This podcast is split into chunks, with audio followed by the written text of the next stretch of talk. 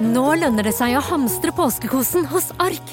Ark inviterer nemlig til påskefest med skremmende bra nyheter, pocket fra 99 og 40% på alle spill og puslespill. Ark-påske betyr rett og slett mye påske for pengene. Så fyll opp med påskens favoritter i nærmeste Ark-butikk eller på ark.no. En podkast fra Podplay. Three, two, one. When liftoff. One, two, three, four, five, five, four, three, two, one. Enter bed. Okay, we checked all four systems, and there you go on modulation, all four, and team with a go. Quality base here. The Eagle has landed. Og så ble det jommen meg fullt i kapsen, og Det var mye folk her i, i dag. Aller først, hei Eirik. Hei, hei, Nils Johan. Nå skal vi ta for oss eh, ting som har Det har jo bublet litt grann i noen uker. Og eh, som seg hør bør, så skal vi jo ta for oss dette her. For det er, dette er jo kanskje eh, det største norske eh, som eh, skjer i, i måte vår sfære. Ja, det vil jeg jo påstå. Altså, etter, etter en viss skuffelse Uh, før nyttår, det med at vi da altså faktisk ikke fikk noen eh, astronauter med på ESAs astronaututtak, eh, så Vi har jo snakket med en av kandidatene der, eh, Terje Sele. Og så har vi selvfølgelig hatt en rant fra en viss eh, Nima Shahinian, som er tilbake i studio. Men du er ikke her for å rante i dag, Nima? I dag har jeg ingen grunn til å rante. Nei. For i dag så har du med deg en gjest, eh, og det er deg, Lena Skrøder. hallo? Det var hyggelig å ha Veldig morsomt, altså, for det er eh, Altså, vi har Altså, du er for så vidt Altså, det er du og han Terje som er liksom er de eneste astronautkandidatene vi har hatt før, men nå er det deg også. Among others, ja. Ja, ja, ja, ikke sant? Altså, for du er da en av flere astronautkandidater som Nima presenterte nå for litt over en uke siden. Og jeg var jo innom din LinkedIn, da. Altså, for at det er visstnok der man skal være i en tid hvor liksom det, er, det, er, det er Facebook, der Facebook uh, mister b- brukere, og Twitter er i ferd med å sånn eh, kjernesmelte. Så, og da ser jeg at du er da Altså, du er, du er lege, Ja, stemmer. og, men akkurat nå i mammaperm? Ja. Vi kan vel si at rett utenfor vinduet her, så er det Ja. Ja, Ja. vi, det, er, det kan hende, kjære lytter, at det blir en sånn uh, puppepause i uh, denne innspillingen. Ja. uh, I så fall så, så vil dere merke det som og så er vi tilbake. For vi har teknologi til å ta oss av sånt. Bare si fra hvis det er tilfellet. Ja, ja, hvis vi er hører at det begynner å belge der ute fra en tre måneder liten liten Vi har med flaske, så jeg kandidat. håper det varer en liten stund. i hvert fall. Ja, Men du har en som tar flaske, ja? Ja, i hvert fall litt av og til. Ja. Så jeg håper at det er en sånn dag i dag. Det er så mange temaer vi kommer innom. Det er så mange underbruk. Vi kan Ja. starte sånne Ja, ja, ja, ja, ja, ja. ved siden av her. eh, Ting som er tatt. Men OK. Nei, la oss nå snakke om, Ja, om så Vi suste jo da raskt forbi at du er lege, men vi kommer nok tilbake til det etter hvert. For det handler jo litt om Altså, det er jo, det er jo ikke, ikke første og definitivt ikke siste gang at man vil sende opp leger i rommet av ulike grunner. Ja. Nei, jeg bare kom på en ting nå. Vet du hva? Uh, nå, har vi jo, nå har vi jo med begge de to her nå, med sjefen sjæl, Nima, og med Lena, så har vi jo eh, fått folk som er av den irriterende typen, Eirik. Ja! Ja, ja, for det er det som er greia. Vi pleier å si at altså, astronauter er sånn derre det er sånn, folk som er, sånn irriterende folk som både er gode i gym og matte. Og, det er, og du er da lege, og dessuten altså da Du har jo da eh, Du har før, altså før du tok mammapermisjon, var det vel, Mm. så, så spilte du altså på Norges para-ishockeylandslag, og du har vel spilt for Vålerenga også? Ja. Vålerenga hockey, hockey! Ja, ok. Det er Men Vålerenga som er klubben, Men altså, dette er jo ikke da Og hvis dere nå tror dere er kommet til feil kanal, det gjør ofte våre lyttere, for vi, vi starter ofte på et litt sånn rart sted før vi etter hvert kommer til romfart. Men altså, para-ishockey Jeg putta jo da navnet ditt inn i YouTube, for det gjør man jo når man har en gjest. Det er dit man går først. Så går man til LinkedIn. Og, og det jeg da ser, er jo en helt rå video hvor du og er det noe sånt som 17 andre karer eller sånt nå? Ja, sikkert noe sånt. Det er det sånt, for at du er den eneste På Vålerenga er du den eneste eh, kvinnelige spilleren, eller? Ja, vi har faktisk en eh, ny jente også, som eh, har så vidt begynt. Ja, Og det er da Dere sitter på kjelker, er det det? ja stemmer. Så det, det, det, og, det, og det du ser, er jo da folk som farer omkring i rasende fart på rumpa på isen med holdende på noe sånt. Altså, dere pigger dere rundt med noe sånt. Drapsvåpen. Ja, men så skikkelig drapsvåpen, med en sånn derre To hockeykøller med pigger på. Jeg mener, Det er jo som tatt ut på av disse her eh, dystopiske actionfilmene fra 80-tallet. Sånn, Mm. er det sånn rollerball og sånn? Det ser jo skikkelig skummelt ut. Da blir det noen skader av de greiene det ikke noe- det? Jeg har noen arr. Ja, du har det? Ja, ja, ja. Nice. Men så er det altså da Så har du altså da blitt astronautkandidat. Mm. Hvorfor det? Ja, hvorfor det? Ja, hvorfor ikke, tenker jeg. Nei, jeg er litt ja. sånn at jeg, jeg har, liker å ha mange ulike ting å prøve meg på og sånne ting. Og ja, gått langt studie og tenker mye framover når det kommer til jobb, og tenker mye framover når det kommer til idretten. og uh, jeg er litt sånn, Hvis jeg får et spørsmål om å være med på ting, så sier jeg veldig ofte ja. For jeg ser eh, både at det er, ting er veldig spennende, men også at jeg ja, skal bli kjent med nye mennesker og lære veldig mye av det. Så når jeg ble oppringt av Nima, så Jeg trodde jo egentlig at den samtalen skulle gå helt annerledes enn det den gjorde. Jeg trodde det skulle bli en sånn kjedelig samtale om universell utforming og noe greier. For det var det jeg hadde fått eh, liksom forespørsel av. Ja, det ble det ikke, da. Det ble ikke det. Det tok Men- en helt annen vending. Ja. Men, men hva slags forhold har du til eh, holdt på å si, eh, Nimas kontor fra før av? Eh, egentlig ingenting. Um, jeg fikk jo bare høre fra Altså, jeg ble jo kontakta gjennom stiftelsen Vi, og fikk høre at ja, Nima han er Norges eh, første astronautkandidat, og uh, han har lyst til å prate med deg om universell utforming. Og så tenkte jeg ok, ja, han har jeg ikke hørt om, men han er jo sikkert en kul type, han, da. Og så Nei, så jeg hadde egentlig ikke noe forhold til Nima og hans prosjekt. Men aldri hatt noe drøm om verdensrommet? Heller? Nei, altså jeg tror alle syns vel det er litt spennende. Altså jeg er jo glad i vitenskap og glad i naturfaglige ting, da, i og med at jeg ble lege. Eh, så jeg syns jo verdensrommet er en veldig spennende greie. Jeg har jo vært fan av eh, Altså Jeg har jo sett litt på han eh, Stephen Hawking og, litt sånn, da. Ikke bare fordi han sitter i rullestol, han òg, men eh, ja. Ja, for det, det, det var sånne ting vi bare sånn, vi kanskje glemte å nevne, og det er jo at du, du kommer jo hit i rullestol. Altså, og det er derfor Ja. du spiller paraishockey. Mm. Uh, og, og, og da du ble presentert sammen med hvor mange kandidater var det du presenterte? Jeg presenterte syv andre enn meg selv, så vi er totalt åtte kandidater. Det da. totalt åtte kandidater, og fire av dem har Ja, altså, hva er det riktig å si? Funksjonshemning? Funksjonsnedsettelse? Funksjonsnedsettelse er vel det mest korrekte, sånn sett. ja, det er vel det. Ja. Og det er altså da Og det er, det er fire stykker som er i rullestol? Helt riktig. Ja, akkurat. Så, og Ja, Eller nei, det er tre stykker som er i rullestol, OK. og Nei, vi har fire i rullestol og én amputert. en Sånn er amputert. det. En Ja. Okay. Er sånn Vanskelig å det er. holde orden på. For å holde litt orden her. Ja. Ja. Ja. Det er riktig. Ja, nei, altså det jeg tenker da, eh, Nima, det er jo nettopp det når, eh, For dette her prosjektet Du har vel hintet om det når du har vært på besøk hos oss tidligere? Om at du jobbet med noe. Og, og vi, altså Nima har jo da Sist han var hos oss, så var han kjempefrustrert over at Norge ikke fikk noen eh, offisiell ESA-kandidat. Mm. Men du, da hinta du også om at det var noe på gang, og det er det du har lansert nå. Så hva er det? Du var, var, det på, var det på Teknisk museum eller sånt? Eller? Ja, vi hadde presselanseringen på Teknisk museum. Ja. Eh, Dette er et prosjekt som har pågått veldig lenge. Eh, Det begynte nesten et år før eh, mitt romprosjekt ble offentliggjort i fjor.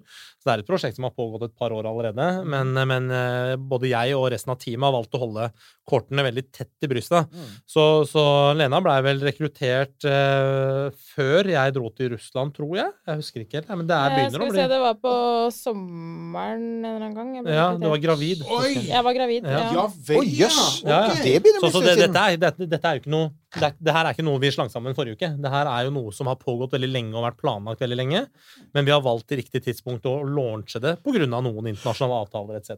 Jo, men altså det interessante her er jo som sier prosessen her. For at det som har vært den konvensjonelle prosessen, og det har vært helt fra romfartens barndom, i hvert fall her i Vesten, da, det har vært at du har hatt utlysningsrunder. Absolutt. Altså du har gått ut, og gjerne da inn mot visse miljøer. altså Allerede Mercury-prosjektet så er det sånn de gikk ut i militærmiljøer, og så sa de liksom vi vil ha testpiloter. Ja. Og så, så kunne folk søke, og så hadde du da gjerne folk som sto i kø for å komme inn.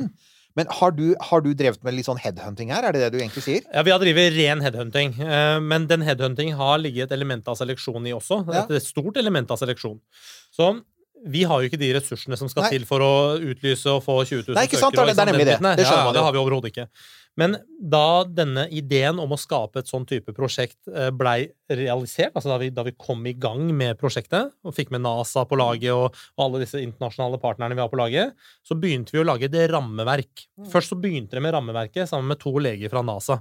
Disse to NASA-legene, eh, sammen med oss og noen måneders arbeid, skapte et rammeverk som sa sånn cirka hva slags type eh, diagnoser og skader vi kan tillate i et sånt prosjekt for at det skal være mest sannsynlig. Et eksempel er at eh, manko av armer, for eksempel, eller funksjon i armer, det ble utelukka ganske tidlig, for da må man beskytte hodet i vektløshet, en del sånne faktorer. Ja. Det var en ganske avansert studie som ble gjort eh, i samråd med disse NASA-legene, og så blei vi sittende igjen da med en, et rammeverk som, som beskrev en hypotese av hva vi trodde kommer til å kvalifisere. Og så sammen med ulike typer eh, partnerskap, f.eks. Vi-stiftelsen, eh, Sundvolden-stiftelsen Hva er Vi-stiftelsen? Det er en stiftelse som, eh, som egentlig har som mål å synliggjøre folk med funksjonsnedsettelser, og for å vise på en måte hva man kan klare, og, og egentlig åpne altså, Minske fordommer og åpne mulighetene, da, se mulighetene. Både i idrett og i arbeidslivet osv. Mm. Veldig Ja. kult. Det er litt viktig at folk får vite om. Ja, ja, veldig viktig. Og Vi-stiftelsen var jo en av de stiftelsene vi hadde det tidligste samarbeidet med. Og så begynte vi å snakke med Sunnaas-stiftelsen, NVIO, som er da Norges veteranforening. eh, Blei jo involvert i dette prosjektet her ganske tid. Så vi har en del sånne partnerskap sammen med disse organisasjonene. eh, Veldig mye på Vi-stiftelsen og NVIO hovedsakelig. Så, så danna vi en shortlist. Vi lagde lister over potensielle kandidater basert på den hypotesen og rammeverket vi hadde. Og da, det er da jeg sånn tenker, det er jo tross alt veldig mange der ute øh, Ja. å, å velge blant. Så, så hvordan, hvordan på en måte kom dere fram til den listen dere hadde? For eksempel eh, med, med, med Lena. Hva, altså var det, var det altså, Hun har jo vært i for eksempel, hun har vært i Paralympics. Mm. Altså var det det, altså, og og de andre kandidatene, hva var det ved dem som sa at akkurat disse skiller seg ut, og vi tror de kan bli gode astronauter? Ja, og det, det er et veldig veldig godt spørsmål. fordi at eh, Tradisjonelt så ville man satt gjennom seleksjon og medisinsk testing osv. før man selekterer. Det har vi hatt flere programmer om, Helt så det riktig. kan dere gå tilbake og høre på. I dette tilfellet så var vi nødt til å finne kandidatene før dette her begynner. Ja, Før den medisinske testingen begynner. ja. ja. Så det er jo høna og egget-spørsmål. Så, så vi hadde denne hypotesen, altså dette rammeverket. Så vi visste cirka hva slags type diagnoser og skader vi kunne eh, se for oss. Eh, når jeg sier diagnoser og skader, så er det jo sånn at eh, Lena har jo ryggmargsbrokk. ikke Medfødt ryggmargsbrokk. Men så har vi andre kandidater som har ryggmargsskader etter ulykker som har vært. Så, så det er både diagnoser og skader. Um, og når vi hadde den shortlisten, så begynte vi å se på hvem vi hypotetisk, altså på et teorinivå, trodde vi ville være mest egna. Og blant det så er det hva slags type idrettskarriere de har, hva slags type utdannelser, hva slags type historie, for det forteller mye om et menneske. Så det, i Lena sitt tilfelle så var det jo klart eh, Det var aldri noe tvil om at vi måtte rekruttere Lena. Dette var en kvinne, hun var lege. Um, ut av det vi leste og fant ut, og, og hørte fra disse stiftelsene som kjente henne, fantastisk holdning, en sånn vinnerattitude. Ja, liksom sånn skal vinnerskalle, er det ikke det man sier? Vinnerskalle. Ja, ja. Eh, harding, men samtidig har et stort hjerte og har liksom Altså, hjertet på rett plass. Du, du, for, for å si sånn, når du har sett uh, parahockey, så er du klar for Mars, sier jeg bare. Ikke sant? Ja, da er du klar for Mars. Så mange små grønne Ja, ja, ja. menn du bare kan tenke deg. Det går helt fint. Ikke sant? Så, så, så da begynte vi å plukke ut de vi trodde sto sterkest. Og de vi plukka ut, var da Lena, som dere får hilse på. Ja, hvilke, hvilke er de andre? Kan vi bare ta kjapt Jeg kan ta en kjapp gjennomgang av de andre. Lena er jo da ene kandidaten, som, som denne episoden også handler om. Eh, kandidat, den andre kandidaten er Trond Hammer, som er da politimann, eh, jobber i beredskapstroppen. Eh, hadde en ulykke hvor han tryna på sykkel pga. en teknisk feil på styret. mm. Brakk ryggen og ble lam. Eh, Så han er en kandidat. Utrolig tilbake i beredskapstroppen eh, og jobber der som instruktør og noe fagsjefansvar. Jeg veit ikke nøyaktig hva slags stilling han har akkurat nå, men, men, men en veldig spennende karakter. Kjetil Brakstad, som er Afghanistan-veteran, advokat, jobber nå som generalsekretær, heter det vel, i, eh, i en av veteranforeningene SIOPS, som mista beinet sitt eh, fra midten av låret og ned. I, kjørte over en veibombe i Afghanistan.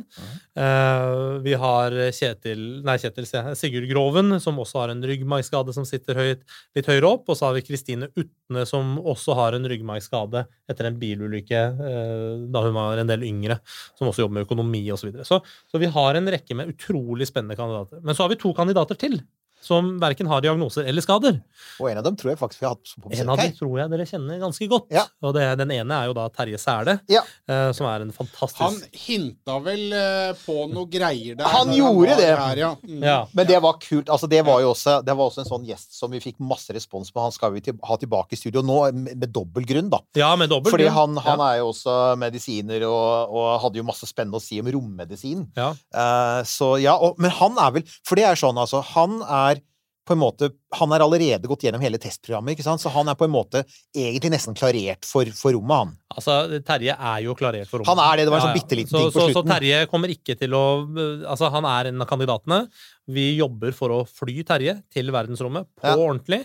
Uh, og han er en fullverdig kandidat, og han kommer til å ha et hovedansvar for forskningsdelen av det. Og kommer naturlig nok til å jobbe med Lena fordi at Lena er lege. Mm -hmm. uh, så, så Terje er jo en fantastisk person, sånn som resten av kandidatene våre er. Uh, og så har vi da enda en kandidat som ikke har noen funksjonsnedsettelse, og det er da Nils Mykleby. Nils Mykleby er lege, eh, spesialisert innenfor radiologi, mm. og er pilot, en fantastisk akrobatpilot. Som sagt, de der kombinasjonsgreiene igjen. Ja, ja. Og det er, altså, Nils Mykleby er en fyr som har hoppa ut av flyet i 10 000 fot med, med oksygenmaske sammen med spesialstyrker og, og den biten der. Så, så det er rimelig råtass eh, type, han også. Eh, og så er det liksom fellesnevneren med alle kandidatene. Eh, uavhengig av funksjonsnivå eller whatever man skal kalle det. Det er, ikke, det er ikke sånn vi tenker på det. Vi tenker på det som én en enhet, et team. Eh, og det er derfor vi ikke kaller det para. Para betyr jo du må, Nå må du rette på meg, Lena. Ja, Men para betyr jo parallelt til det i gåseøyne vanlige. Jeg er litt usikker på hvor egentlig para-begrepet kommer ifra. Det kan jo tolkes som uh, parallelt, og det kan tolkes som uh, at eh, para som i at man har en, uh, er en paraplegiker, altså som betyr at du har lammelse Ja. i beina. Ja, ja. Så Det jeg er litt liksom det jeg på- tenkte. 1202. Når, eh, nå har du hoppa over fra rullestolen og sitter i en vanlig stol, og jeg ser at eh, beina dine beveger på seg, Mm. så de fungerer litt sånn delvis. Ja. Ikke sant? Men har det Altså, i verdensrommet Mm. Mm. så har det jo ingenting å si. Å jo. Vil du si litt om eh, Ja, mastergraden det. til eh, Dette Jon Markus og Ulrik? Ja, det kan jeg gjøre. Vi har jo hatt med oss eh, to av NIMA sine masterstudenter, som nå er uteksaminert og ferdig med det. Ehm, de har jo sett på litt hva som trengs av eventuell tilrettelegging og ekstra utstyr i verdensrommet, hvis man har behov for det pga. lammelser eller andre skader. Um, de har jo primært sett på hvordan vektløshet vil påvirke det at vi ikke kan Eller ja, det at vi ikke kan bruke beina. Eh, man tenker at vi flyr jo rundt og er vektløse uansett. Ja, ikke sant? Det er det, nemlig. ja, Ja. men vi, vi kommer jo til å, vi kommer jo ikke til bare til å fly rundt der. Vi skal jo gjerne gjøre noe forskning eller jobbe litt grann og sånt, og, og da trenger vi jo å, å være fast på ett sted. Hvis du kan bruke beina, så har man en tendens til å bare feste beina eller føttene under noe, altså stenger eller reimer eller Ja. sånne ting, for å holde seg fast. Mm. Eh, Jeg for eksempel har ingen kontroll på anklene mine, så jeg hadde ikke hatt mulighet til å feste meg fast på gulv eller tak, eller altså, det er jo ett fett, hva det er for noe, men Um, Så de ser jo blant annet på en arm som man kan være festa til veggen, og feste rundt livet eller rundt låret, sånn at det blir et anker til, til um, der man skal jobbe, da. Borrelås. Jo, men det, men det er helt riktig at man har jo hatt sånn stropper med velcro og sånn, og du kan Mm. faktisk se det. At når du jobber i disse laboratoriene i rommet uh, Du ser det blant annet veldig tydelig i den kinesiske romstasjonen. Så Ja. står de langs veggen, og så har de liksom sånn føttene inni det. Og det har ikke jeg tenkt på engang. Men det, for at min første tanke var også det Ja, men egentlig så er jo da vektløshet er jo på mange måter et sånn ideelt medium. Fordi at du er ikke lenger bundet av tyngdekraften. Mm. Og du ser jo for så vidt når astronauter beveger seg rundt i romstasjonen, så ser du at de ofte drar seg av gårde. Ja. Så du ser at armene er viktige. Men så tenker jeg også på sånne ting som romdrakter, ikke sant. Ja. Spacewalks. Der veit vi, vet vi at fram til nå i hvert fall så har beinførlighet vært veldig viktig. Mm. Ekstremt. sant? For, at for å klatre på utsiden av romstasjonen så er det så mange sånn Ikke bare handholds, men også footholds, ikke sant? Ja, og akkurat det har jeg jo erfart sjøl da jeg var i, i Neutral Buoyancy-laben til russerne. ikke sant? Og selvfølgelig, det er jo ikke 100% vektløshet man får en følelse av, men det er jo det nærmeste jeg fikk gjort, da, og det å trene i bassenget der og kjenne på det. Og det er klart at det, det er overraskende hvor mye en navigerer seg med beina også. Um, Men en annen ting du nevnte, dette med romdrakter, som er veldig viktig. Eh, Som også studentene våre Jon Markus og Ulrik har sett på, er jo eksempel eh, hvis man ikke klarer å Altså, en romdrakt er som regel ganske stiv, også den man flyr med. Så hvis du ser på SpaceX-drakta, eksempel, eller Sokol-drakta, så, så må du stive opp beina ganske mye bare for å få den på deg. Hva gjør vi under en evakuering? Så der har de også utvikla en sånn skinne til knæra som er kontrollerbar. Sånn at for eksempel Lena eller en annen som har den type funksjonsnedsettelse i beina, veldig lett kan kontrollere stivheten i knærne og sånn for å få på seg romdrakt. Det er bare to av de teknologiene vi snakker om nå, sant? som vi allerede har begynt å utvikle. Men, men her er det masse vi må finne ut av, masse vi må jobbe. Ja, og der tenker jeg, der, der kommer du tilbake til deg, men altså, det er jo noe av det spennende her, er jo akkurat det. Altså, ok, man skal opp dit, men jeg antar, nå har du, nå har du faktisk hatt ganske mye bedre tid på deg, for jeg trodde dette var mye kortere tid siden. Men du har altså hatt ganske god tid på deg til å tenke på det. Har du tenkt litt over det? Sånn, hva kunne du tenke deg hvis du da antar at du for eksempel da fikk ja, enten fem dager i en Crew Dragon eller to uker på romstasjonen. Hva kunne du tenkt deg å fokusere på da? Har du tenkt noe på det?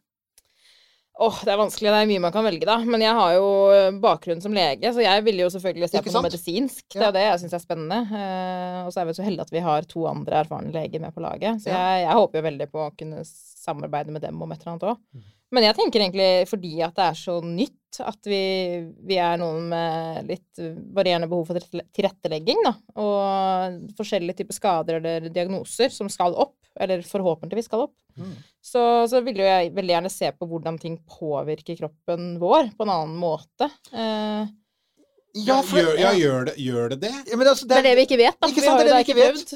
tenker- Nei, men teoretisk sett, altså, er det Så kan man se for seg noen måter det er Kan det på noen områder være en fordel?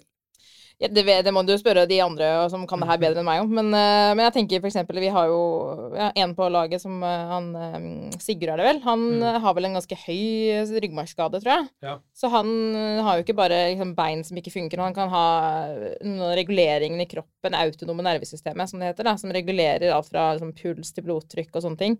Eh, kan påvirkes hos han på en annen måte enn hos de som ikke har denne skaden.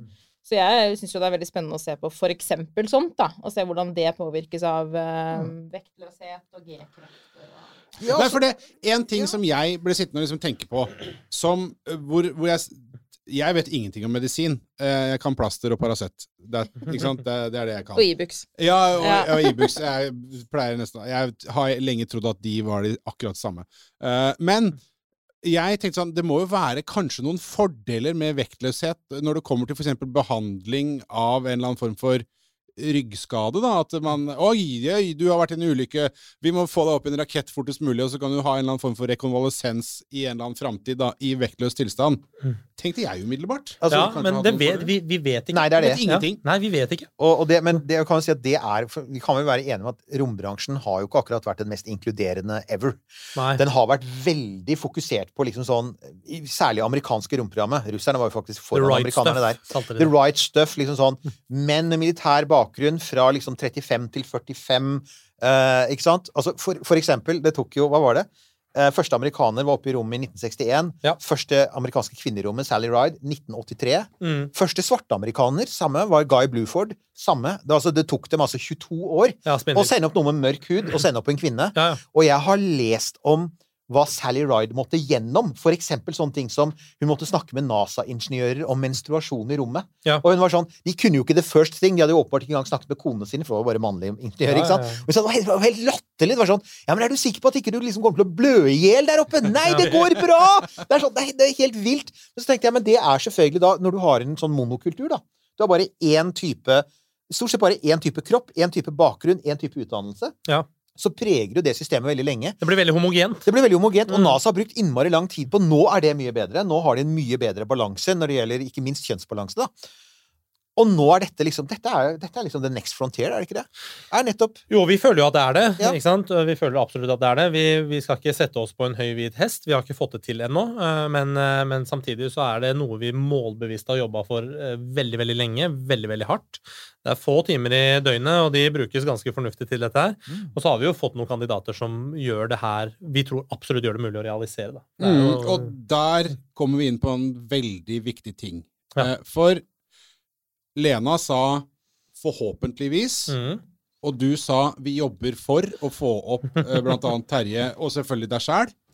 Ja. Eh, hvor, hvor er realismen her? Hvor, Ja. er, så la oss eh, grounde det på bakken, få ned noen eh, reelle barduner her. og hvor, hvor, Hvordan er vi der? Det, det der er jo et veldig godt spørsmål, og du, da må jeg si noe tilbake, for du sa og selvfølgelig deg sjæl.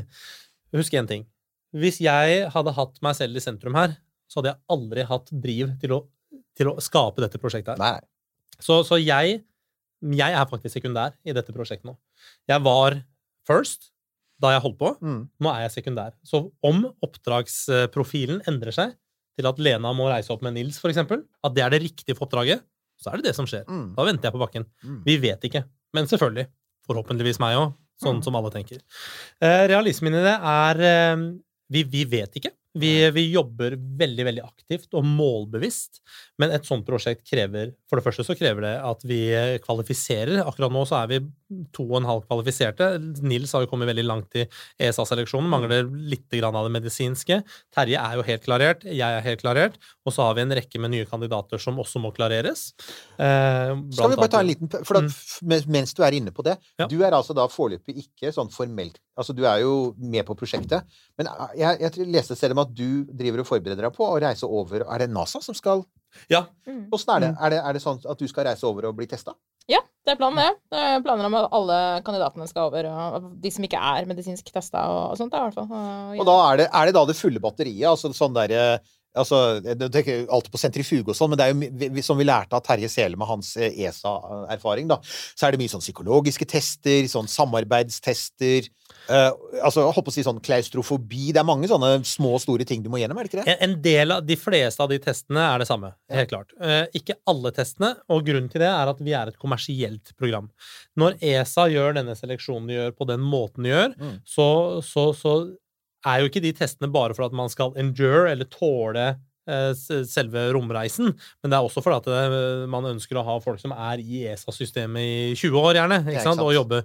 Så, så, så det er jo noe med risikostyring her, ikke sant? Ja. Eh, Men mange av de testene er like, eksempel psykologiske tester, så må vi vite at våre kandidater ikke faller utenfor altså At det ikke skjer noe psykisk når vi er oppe, fysisk. Vi må, vi må liksom risikostyre Ja, det her. det, for det er vel det som er i stor grad altså, utgang, altså, Du har jo allerede akseptert når du har med Altså, du har eh, kandidater med funksjonsnedsettelser, så er det visse ting Det er visse tester vi ikke kan gjennomføre. Selvfølgelig. Og det så, så Og samtidig så er det så og samtidig så er det da, som du sier, en del av disse psykologiske testene og sånn. Mm. Ja. Mm. det, vi, altså, romfart, Driver man med romfart, så løper man en risiko uansett. Og, og de risikoene handler ikke bare om en selv, altså kandidaten selv, men det handler også om resten av crewet og operasjonene som foregår. ikke sant? Hvis du ser på AX1-oppdraget, så, så var det såpass dårlig planlagt. De hadde ikke lagt inn tid til å planlegge vektløs eh, tilvenning, f.eks. Og det som skjedde, var ok, det gikk ikke utover helse, men det gikk utover masse forskningsprosjekter. ja, det gjorde det. Ja. Så, så Men, sånne eh, ting ønsker vi å unngå. Men ok, det, det, du får bare si eh, stopp hvis ikke det passer å spørre om det, Lena. Men uh, altså, du skal opp i verdensrommet på en, i i praksis en svær ting som av og til eksploderer. Har, hva, hva, du har jo samboer, og du er jo blitt mamma. Eh, hva, hva, hva, har dere snakket om det?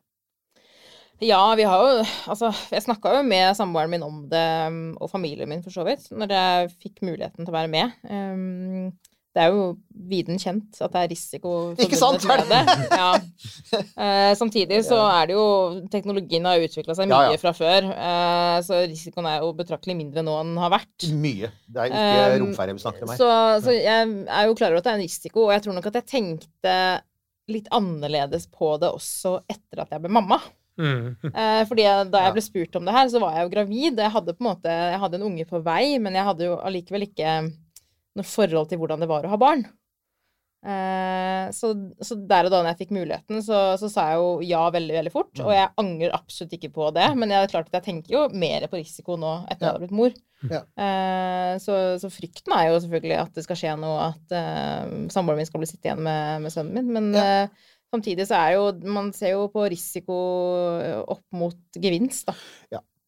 Og det, Eh, Det er en vurderingssak, da. Det er jo en vurderingssak, og det er jo en, et, et aspekt til som kommer inn her, som jeg syns er, er interessant. Og, det er jo, og dette er noe du vet jeg du har vært veldig opptatt av, Nima. Det er jo dette altså inspirasjonsmomentet. Mm. Ikke sant? Vi har jo, altså I denne podkasten, eh, Nils Johan, vi har jo mast om at vi trenger nordmenn i rommet. ikke sant? Ja, ja, ja. Lenge, lenge, ja. lenge før vi ble kjent med Nima også, så har vi liksom sagt vi trenger det, sånn som danskene har og svenskene har. eh, og fordi at vi ser effekten av det. Og vi vet jo at han, eh, han McFall, han er ESA-parastronauten, Mm. han er veldig opptatt av det. Ja. Han er veldig opptatt av at han ikke bare skal forske som medisiner, men han skal også opp i rommet for å, å vise hva som er mulig, og ikke minst også for å være en inspirasjon. Ikke bare liksom for, for, for barn og unge generelt, men ikke minst da for, for ungdom med disse utfordringene. Da. Og har du tenkt litt på det også? At det, det, det, altså sånn, det handler også om en sånn motivasjonsgreie? At du kan være med på å inspirere folk? Ja, jeg tenker selvfølgelig på det, men, eh, men vi har jo snakka litt om det innad i teamet også, at eh, det blir jo fort en sånn lite snev av liksom inspirasjon og se hva vi klarer og sånt, men, men vi vil jo ikke at det skal være hovedfokuset heller. Eh, fordi det er såpass mye mer bak det prosjektet her enn bare inspirasjon. Eh, altså, sånn som eh, det prosjektet Inspiration 4, for eksempel, da, der var jo egentlig hele De ville jo samle inn penger, det var jo én ting, men, men en annen ting var jo at de ville inspirere og se, se vanlige mennesker kan komme opp i rommet. Eh, og selvfølgelig er det jo en, en form for inspirasjon bak det her, at vi som har en, en slags eh, funksjonsnedsettelse, sk kanskje skal opp i rommet. Men, men samtidig så er det såpass mye forskning bak det. Det, er, ja. har liksom en, en hensikt utover det å inspirere. Uh, så jeg, jeg håper jo det blir en bieffekt, men jeg håper ikke at hele oppmerksomheten går til at vi vil bare vise hva vi kan. Nei, for det er litt egotripp òg. Ja, det er klart at det er litt egotripp. Det er jo den ultimate egotrippen. Det er Altså, alle astronauter som søker ja, altså, det er ikke til å komme forbi. Altså, dette, dette slår å bli halt opp på Mount Everest av en sherpa, altså. Det Ja, gjør ja, det. ja, ja. Men, men eh, eh, det er jo veldig Altså, det som ikke er teoretisk så langt, da, hvis vi kan si det sånn, er at du skal gjennomgå en hel rekke tester og ting Mm, Uh, på, i NASA-systemet i USA. stemmer. Når er det, og hvordan skjer det? Ja, når er vel ikke helt bestemt ennå. Litt avhengig av eh, midler og, og at det skal klaffe for alle sammen. Men det er vel snakk om nå på vårparten en gang. Forhåpentligvis. Må jo være på vårparten hvis Ja. du skal rekke trening Ja, ikke sant. før en 24-årsslutten. og ja, det eneste Vi veit jo ikke alt ennå, vi heller. Men planen er jo at vi skal gjennom eh, veldig mye medisinsk testing eh, for å kvalifisere til det. Og så er det jo litt sånn grunntrening med sentrifugemaskin, og vi skal opp i sånn zero G-flight og ja. Resten vet ikke jeg så mye om. Det får vi ta det litt som underveis. Ja, du er veldig inne på noe her, så Men, eh, og Nima, eh, så her sa jo Lena også et eller annet. Det var dette her med midler og sånn, da. Eh, det greiene som du har satt i gang her nå, er jo ikke Det er ikke sånn pante flaske-budsjett. Det, Det er koster ganske mye penger, dette her. Ja, ja. Um, og det koster masse penger. Eh, det å starte en startup i Norge med en teknologi- eller innovasjonsside koster mye penger. Ehm, man må også tro på det, eh, og på en eller annen måte jobbe for det. Og det er jo egentlig akkurat det vi gjør. Det prosjektet vi gjør nå, kan sammenlignes med det som var en startup, altså eh, som var meg og mitt romprosjekt, til å bli en scaleup, hvor vi utvider teamet, både de som sitter backend og jobber, for det er et ganske stort team som jobber backend og jobber også, eh, og ikke er kandidater og ikke er synlige, men som jobber med kommunikasjon og planlegging og, og logistikk og det ene og det andre, og internasjonale partnere. Det er ganske mange involvert i det prosjektet her nå. Og disse tingene her koster penger. Det koster masse penger. Så, så vi, er, eh, vi er i en konstant emisjon, for å kalle det det. Vi er konstant på utkikk etter nye, friske midler som skal komme inn eh, og, og bidra til å finansiere dette. På lik linje med all annen eh, egentlig startup, scaleup-virksomhet, egentlig. Det kan ses på på den måten. For det er dyrt. Det er dyrt. Og så vet jeg av tidligere erfaring med den materien der, at jeg tror det er noe sånn som 75% av alle norske startups som går ad undas. Ja.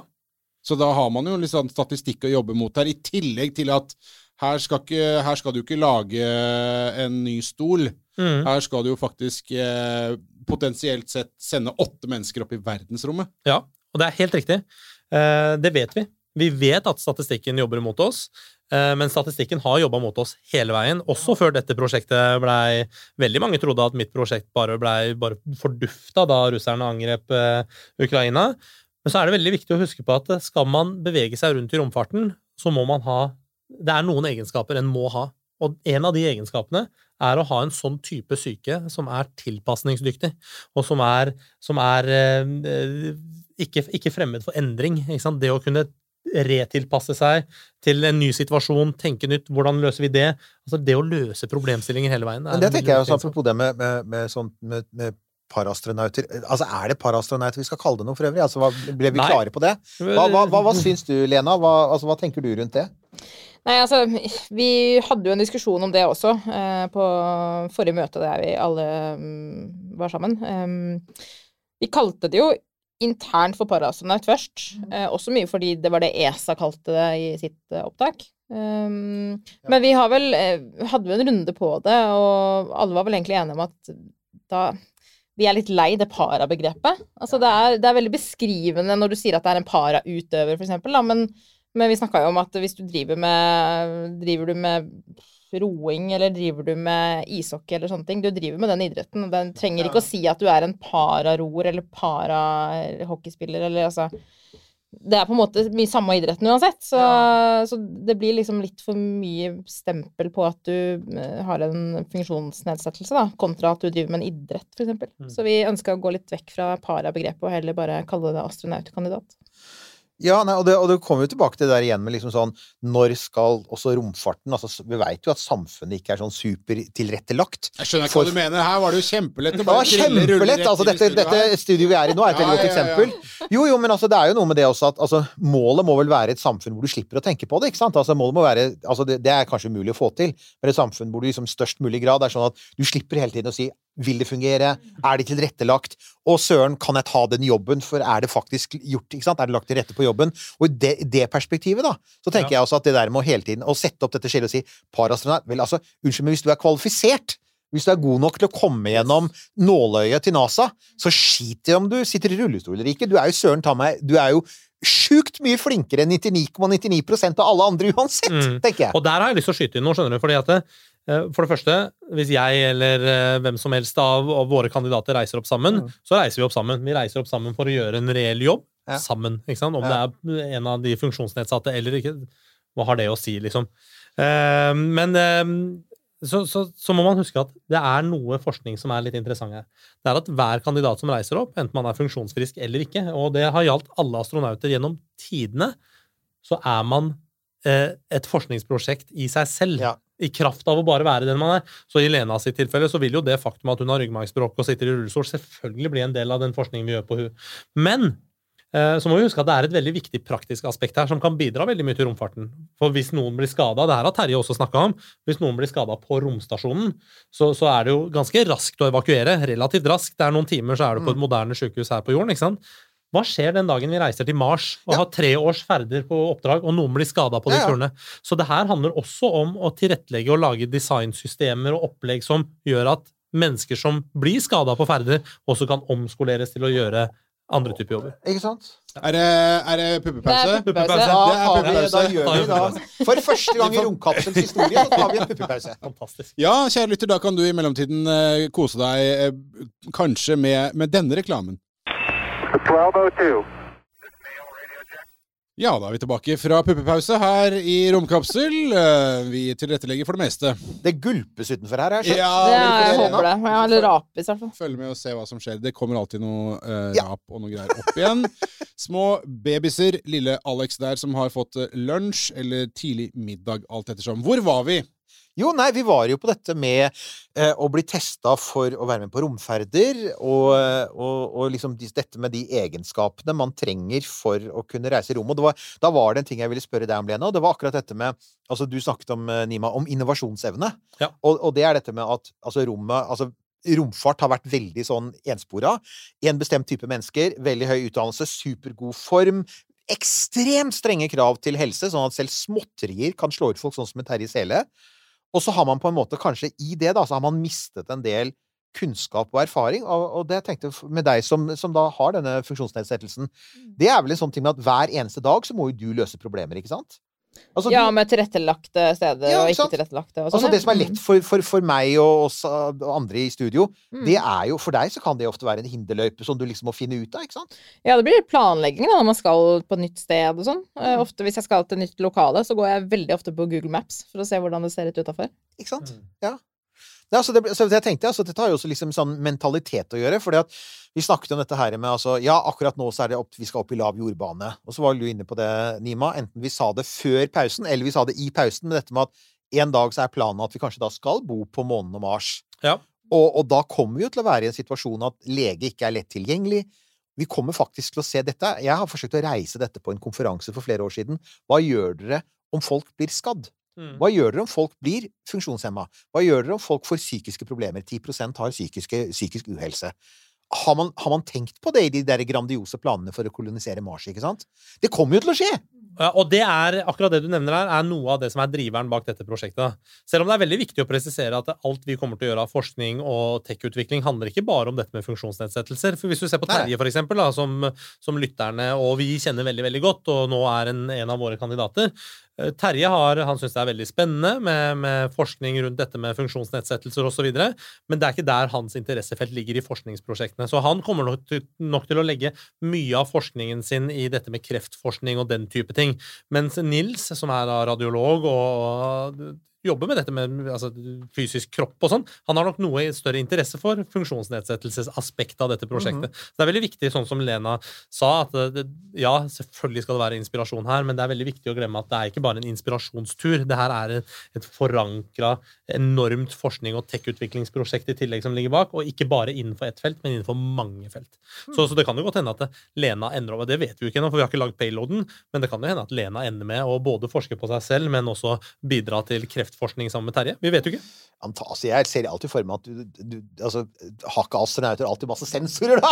Altså, det, var, det er en veldig bra scene i Apollo 13 hvor de, altså, astronautene bare ikke orker mer. Bare river bare av sensorene. sensorene, ja. Bare sånn Hva? Vi har mistet kontakt med han! De er døde! Nei, nei, de bare orker ikke mer. Men de det er sånn, ikke telemetrien. så du, du Ja. kommer antagelig til å ha sensorer på steder du ikke har lyst til å tenke på engang. Yes. Hvis, det, hvis dette her skal bli sånn skikkelig forskning. Jeg har sett noen bilder av Nima som har masse sensorer og ligger og Ja, sover ja. eller et eller annet. Ja, ja, ja, for å få ned blodtrykk og puls og sånn. Ja, ja. Så, så man blir jo målt hele tiden. Da. Det går med telemetri på kroppen, både i trening og utenfor trening. Men så er det jo det litt sånn ja. Jo, nei, men altså Det, det er I hvor stor grad er øynene dine åpne? Holdt på å si. I den grad det er mulig å ha de åpne for alt som kanskje kan skje her, da. For her er det jo veldig mye kanskje, ikke sant? Mm. Men her, som Nima sier, det, det, kan ende opp, det kan ende opp med ingenting. Mm. Men så kan det også ende opp med veldig, veldig mye. Mm. Nei, altså jeg for min del ble jo ikke med på prosjektet kun fordi at jeg ville opp til verdensrommet. Det er, det er, også, det er så mye mer rundt det. Um, det er bare Altså, når vi skal til NASA og testes, bare det lærer jo jeg helt enormt mye av. Som én ting er privatperson, men en annen ting er som lege. Um, så jeg ser jo mer helhetlig på det at uansett hvor langt jeg selv kommer i prosessen, så er det hele prosjektet veldig spennende å være en del av, og det å kunne jobbe med videre etter at eh, en eller flere eventuelt kvalifiserer, da. Eh, Jeg ser jo på det som, som muligheter for å kunne jobbe med det senere, eh, som lege, eller å kunne ja, være med på veien videre utover liksom én reise. Eh, Men det er en ting Jeg vet ikke om du har tenkt på det, da, men det er jo eh, Altså, hvis dette lykkes Tenk hvis, tenk hvis du er først du er klar over at du, at du blir en historisk person. Du vet ja, det? det Altså, det, det, virkelig, Du kommer virkelig til å stå i historiebøkene som første nordmann i rommet. Mm. Og, og det vi også veit, er at de gangene det skjer, det har vi sett i Danmark og Sverige, vi har sett overalt hvor det skjer, dette blir spesielle personer. Du vet at du kommer til å være en sånn unik person fra da av. Alle kommer til å vite åssen du ser. Altså, det er bare sånn I'm just Mm. warning you. at det er, det er potensial her, da. Ja, det er det. Det er potensialet. Men jeg, men jeg klarer liksom ikke å tenke i de baner nå per nå. Da. Nå tar vi liksom ett steg om gangen, Ja, Og, så, og så blir det mer sånn OK, vi kommer oss til USA, check. Eh, vi Ja, ja. kommer oss et steg videre, check. Altså, jeg, jeg og det tenker er jo litt bare sånn mer vi kan jobbe. Ja, Ja, altså, jeg klarer bare ikke å unngå å tenke på når jeg sånn, sånn, møter astronautkandidater, tenker jeg her sitter jeg potensielt sammen med en historisk person, da. Ja, For at vi veit at det er, det er altså og Nå vi har, er du ganske historisk, du og da, Erik. Takk for det, Nils Ja, Johan! Det var, det, jeg, det var ikke fisking, men ok. Jeg tar det når du først gir det, da. Det gjør jeg jo. Vi er en følsom gjeng her inne. Men uansett, så tenker jeg at det er, eh, det, det er jo Og det har litt å gjøre med liksom hva romfarten spiller i det store bildet. For det er sånn Ja, romfart er kult, og det er teknologi, og det er medisin.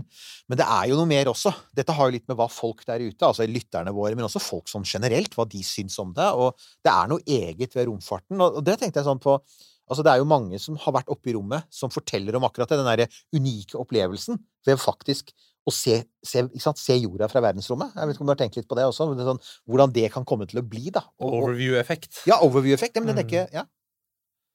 Så kommer du hjem og har blitt en helt annen person, og ja, så går du på sånn skikkelig nedtur guttungen lurer på 'Hvem er du blitt, mamma? Hva har skjedd Ja, med deg?' ja, ja. Men jeg har lyst til å bare adde på Jeg syns Lena sier det så utrolig fint. Ikke sant? At det er jo eh, det vi holder på med nå.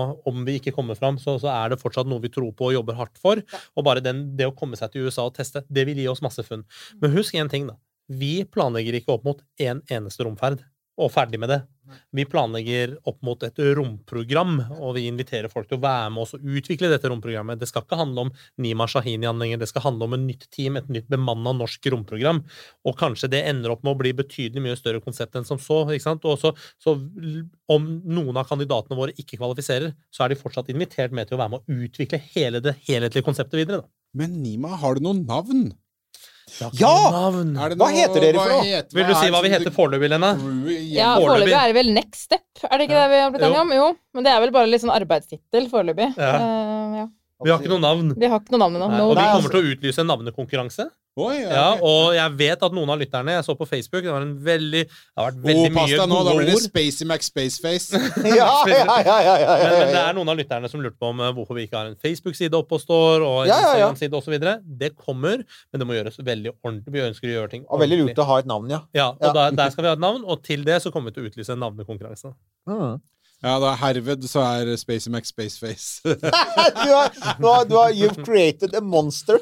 Ja, nei, vi, Sorry. Det er masse fete navn man kan finne her, så, så det er bare å komme med forslag. Faren min har jo faktisk meldt seg på den navnekonkurransen, han òg. Han har det, Ja, ja. han har det. Ja, er. Husker du hva forslaget var? brain... Ja, du, vi um, Jeg nevnte jo at hver gang du sender ut mailer, så skriver du Ad Astra nederst i mailen. Helt riktig. Ja. Ja. Ja. Så det nevnte jeg til faren min. at, Du, Nima han er ordentlig på det. Han sier Ad Astra i slutten av mailen. Ja, og så sa han at dere burde jo ha et eller annet liksom latin, da. Ja. Og så tror jeg han, han fant på at eh, at man er kapabel til noe. Det, det er capax på latin. Nemlig. Så han mente capax ad astra. Det hadde vært Å, veldig bra. veldig Det er godt. ganske sexy, jeg. Jeg Synes Det det er ganske veldig bra. sexy. Ja. Men det er helt riktig at han har lagt merke til det. Det er veldig gøy, for at det, jeg avslutter alle mailene mine med Ad Astra. Mm. Eh, Det gjør Nils Mykleby også.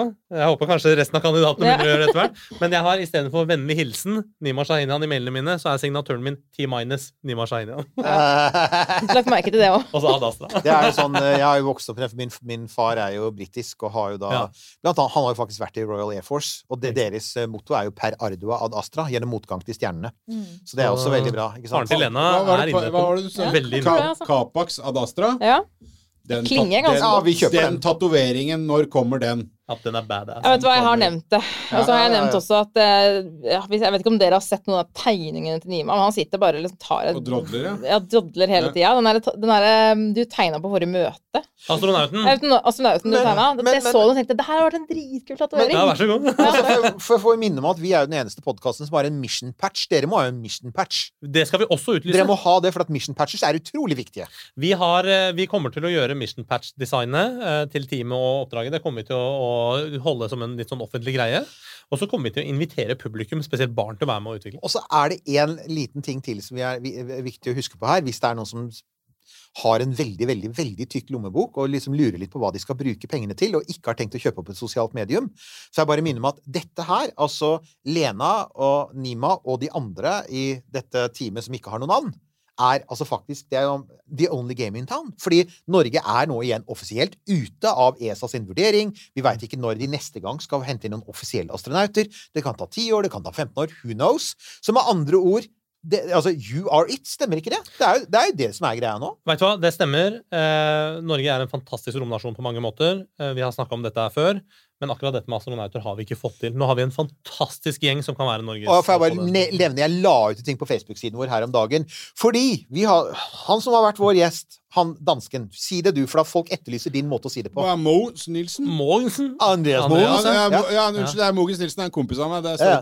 Andreas, Andreas, Andreas er fin, eh. Andreas Mogensen. Andreas Mogensen han har vært ute i noe sånn der dansk eh, tech-tidsskrift og sagt han syns det er så håpløst med den danske regjeringen som ikke putter nok penger i romfart. De får ikke nok tilbake fra, eh, i form av kontrakter og innflytelse. Og man skal, etter, man skal heller strekke seg etter de landene som virkelig bidrar, inkludert Norge. Og jeg bare What?! Ja. Altså Ikke bare fikk de Andreas Monsen, de får han jo opp på romstasjonen, og vi har jo ikke fått noe! Nei, vi har ikke fått noe. Og, og vi kommer ikke her og tror at vi skal være liksom redningen av norsk eh, rombransje i det hele tatt. Men vi vil være, vi er en del av den. Vi, kommer, vi er her for å bli, og vi kommer til å gjøre alt vi kan for å skape noe som hele nasjonen skal eie.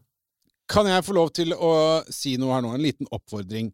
Eh, Det kan hende jeg blander litt eh, snørr og bart. Men jeg vet om en fyr Altså, jeg kjenner han ikke, jeg bare vet om han av navn, som åpenbart er villig til å putte en del penger inn i litt sånn eh, Hva skal man si eh, vidløftige planer.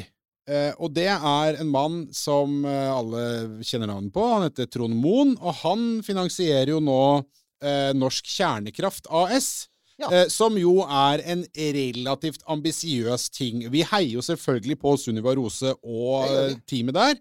Så Trond Moen, hvis du hører på det og har noen millioner til et annet ganske kult og eh, storttenkende prosjekt, så er det bare å ta kontakt eh, med Nima Shahinian, så får du en mail tilbake med 'Tusen takk, det vil vi veldig gjerne, Trond'. Eh, T minus eh, Nima Shahinian, eh, Capax ad Astra. Og fordi, Kapax Ad Astra, og fordi vi er den podkasten vi er, og vi hopper Altså, ingen vet hvor haren hopper. Eh, atomreaktorer i rommet er blitt offisielt en ny greie. Ja. Fordi at NASA skal nå satse på atomdrevne raketter som kan halvere reisetiden til Mars. Ja. Så nå har de kommet over det tabuet. Og det skal vi si, vi vil også huske, huske altså hvis Sunniva hører på, vi er veldig fornøyd. Du har gjort en kjempeinnsats. Hun har gjort en veldig god jobb for norsk kjernekraft. Den dama har jo altså greid nærmest på egen hånd og nesten snu Snu stemningen i landet. Ja, ja, ja, sånn, sånn. Godt hjulpet av sju kroner kilowatten, det skal sies. Det, skal, eh, det, det, det skader ikke det. Og noen uh, døde havørner. Men um... Å, meg. ja. Ja, sorry. det er vindmøllene, vet du. ja, ja. Nei, altså Så eh, Jo, eh, i en siste ting, og det var du nevnte det sånn i en liten bisetning, for at vi har jo fram til nå snakket Altså, vi, for å konkretisere det igjen. Det er snakk om å sende folk opp. Vi veit at det er ikke ESA som kommer til å gjøre det. Dette blir ikke på noe sånn der Orion Artemis-greie. Det blir noe kommersielt, og det eneste kommersielle gamet i byen Dere er det eneste gamet i Norge. Det eneste kommersielle rakettgamet i byen, det er SpaceX. Det det SpaceX står jo nå foran en total redefinering av hele forretningsmodellen sin. De Mm. går nå fra konvensjonelle raketter med gjenbrukbar førstetrinn, men likevel konvensjonelle raketter, konvensjonell kapsel, og til Starship-modellen, ikke sant? Ja. Så det er jo det som slår meg, er jo for at rommer tar tid. Så selv om du, Lena, blir godkjent, da, så veit jo du også at det er, altså, det er meget mulig at lille Alex eh, både rekker å begynne på skolen og mer til før hun faktisk blir noe av. Sånn er det jo i romfarten, ikke sant? Med Starship, ja. Nei, men altså sånn generelt, altså, Ja. Det kan ta mange år. Det er vanlig for astronauter å vente i flere år på Ja. å komme opp. Så det jeg tenker er Altså, Du nevnte Starship. Er det, en av, altså, er det noe av diskusjonen her, eller? Ja, det er det. Og det, det jeg kan si, er at øh, Og nå kan vi være helt åpne Og ærlige jeg liker når du sier sånn Det jeg kan si. Nei, nei, men- du nei, du, du får se toppen av isfjellet, og under der så er det masse Nei. mailer under det, og avtaler og papirer. Det er masse avtaler og masse Ja, ting. Men, men jeg, jeg, nå, nå, nå kan vi begynne å være helt åpne om det. Og, og det er klart at eh, vi har jo hele tiden jobbet mot en direkte eh, altså Først så var det Soyuz-ferd. Dette prosjektet her starta jo med samtalen med russerne, bare så det er sagt. Altså, hele, hele dette prosjektet med Lena og de involverte, da var jo russerne involvert, tungt involvert i utviklingen av det. Og så trakk jeg prosjektet fra det russiske samarbeidet og brakte det inn til selvfølgelig SpaceX og NASA, som dere vet nå. Um, og så, så det vi har jobba fast mot, er jo en romstasjon-mission. Det å dokke til romstasjonen i en Crew Dragon. Men vi har også tilbud på en, rom, altså en, en Crew Dragon Orbital. Det betyr at den ikke dokker. Det er veldig lite interessant for oss. Eh, Det er enten romstasjon eller noe annet. Og det andre som vi er i konkrete forhandlinger nå, har fått helt sånn konkrete tilbud på, er jo også Starship Circumlunar Missions. Så til de som ikke vet hva det betyr, så er det Starship som flyr rundt månen. Det er Dare Moon som er først på lista der, ikke sant? De er først Men på lista, og så er det et oppdrag til, og da har vi fått tilbud om oppdrag nummer tre rundt månen.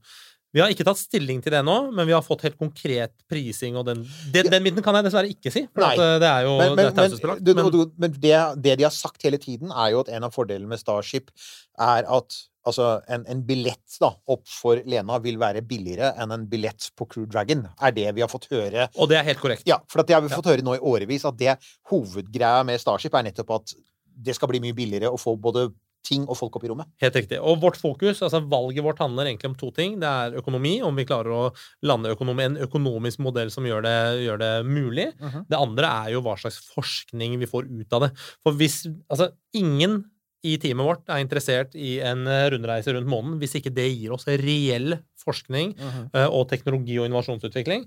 Da må vi finne en annen løsning. Da vil vi heller skaffe mer penger, betale mer og komme oss til romstasjonen og gjøre den forskningen. Så, så det er flere parametere som styrer her. Ja. Vi skal For- ikke på noe, noe kosetur. Får du litt sånn eh, For det som slo meg plutselig, at eh, jeg kan jo bare sitte her og høre Nima fortelle om de hva som er konkret og ikke fullt så konkret. Får du litt sånn gåsehud eh, når du hører Ja. ham si det at ja, jo, men så kanskje Mission 3 med Starship der, og da kan det hende. Og så sitter du og tenker ja, kan, kanskje det er meg som er med der. Ja, altså jo, jo mer jeg hører, jo mer konkret blir det jo. I starten så var det jo mer sånn drømmescenario, på en måte. Mhm. Eh, så, så jo mer vi har på en måte mer eller mindre spikra, jo mer konkret blir det, og jo mer blir det sånn Oi, shit, det her er faktisk noe som skjer. Vi kommer jo lenger og lenger i det. Så, men, men altså, jeg klarer ikke å se for meg enda at jeg skal muligens opp i verdensrommet. Det er helt sånn uh, usannsynlig oppi hodet mitt. Altså, Ja. bare, ta, bare sånn, liksom, tanken på at du helt konkret kan komme til å fly rundt freaking månen. Altså, det er jo helt vilt. Altså For meg er det fortsatt eh, helt utenkelig at jeg skal opp i en zero G-flight, og det er jo nesten helt spikra, på en måte. Så Ja. nei, det blir litt for surrealistisk å se for seg. Må ta bare steg for Og steg. du skal henge rundt hos NASA om noen måneder. Ja, det er helt merkelig. Jeg, jeg gleder meg som en liten unge, altså. Ja. Jeg òg. Det blir kult. ja. Nils Johan, Ja, dette eh, var gøy. Dette var veldig, eh, veldig gøy. Eh, og, og så er, jeg, jeg liker jo ting som er litt sånn tangible, som man kan ta og føle på. Og så liker jeg at det er eh, konkretiserbart ting her. Mm. Og som Nima eh, alltid sier, det jeg kan si. Eh, så Jo, jo, men, ja, men altså dette, er, dette er veldig gøy, og- så syns jeg det er eh, Det er noe et eller annet sånn merkelig unorsk over hele greia at du tenker uh, fuck it, let's gun. Mm. Det er veldig gøy. Og en stor takk til lytterne av Romkapsel. som det er mye hyggelige meldinger og Ja, det er det. De er veldig så det, entusiastiske. det må jeg bare benytte muligheten til å si nå. Ja, men altså, Vi og setter det- pris på den støtten. Altså på en måte, selv, selv om de, de, de i likhet med oss ikke nødvendigvis har pengene å betale dette for, Mm. så kan jeg si at det det, det avspeiler, er jo at det er veldig mange der ute som genuint ønsker å få noen opp i rommet. Altså Amerikanerne sier sånn 'Godspeed', ikke sant? Lykke Ja. til. Og det er jo det som er veldig tydelig, og det kommer du til å få høre du også, Lena, fra lytterne våre. Altså lykke til, for at vi, folk ønsker virkelig at dere skal få til dette her. Og vil fryktelig gjerne nå se noen norske i rommet, og det hadde jo vært utrolig kult om det hadde vært en som ellers pleier å fare rundt på isen med to livsfarlige køller, pigger, greier. jeg får ikke det bildet ut av hodet, jeg! Så bra. Eh, Av alle idretter eh, Eirik eh, ikke har pleid å se på, så har Så du fått en ny jeg har fått en ny favorittidrett. Ja, ja, Den, den har noe sånn der, Den har noe sånn dystopisk science fiction-aktig ved seg. ja, det må være sånn der death game over det for Ja, at det skal være interessant. Sånn. Running Man så og så, mm. Nei, så når alien-invasjonen kommer, så veit vi. ja, da begynner vi å rote oss bort her. Ja, det skal vi. vi si at det holder for i dag, Eirik? Det gjør det. Det er det vanlige. Gi gjerne tilbakemeldinger på Facebook. Der er vi jo som alltid aktive. Og så har vi jo litt merch på eh, Ja, romkapsel.no. Ja, gå inn. eh, T-skjorter, eh, handlenett og kopper kan kjøpes. Tusen takk til alle som eh, hører på oss, og som eh, heier på oss, eh, og som eh, betaler sin frivillige kontingent. La oss kalle det det på Vips. Til kattemat og motorsykkelolje. Sånn er det. Det, sesongen kommer snart. Det gleder, det gleder vi oss til. Eh, Nima, eh, du har jo klippekort her. Eh, alltid hyggelig. Eh, Lena, eh, lykke til. God, god tur, da. Godspeed! Du har hørt en podkast fra Podplay. En enklere måte å høre podkast på. Last ned appen Podplay, eller se podplay.no.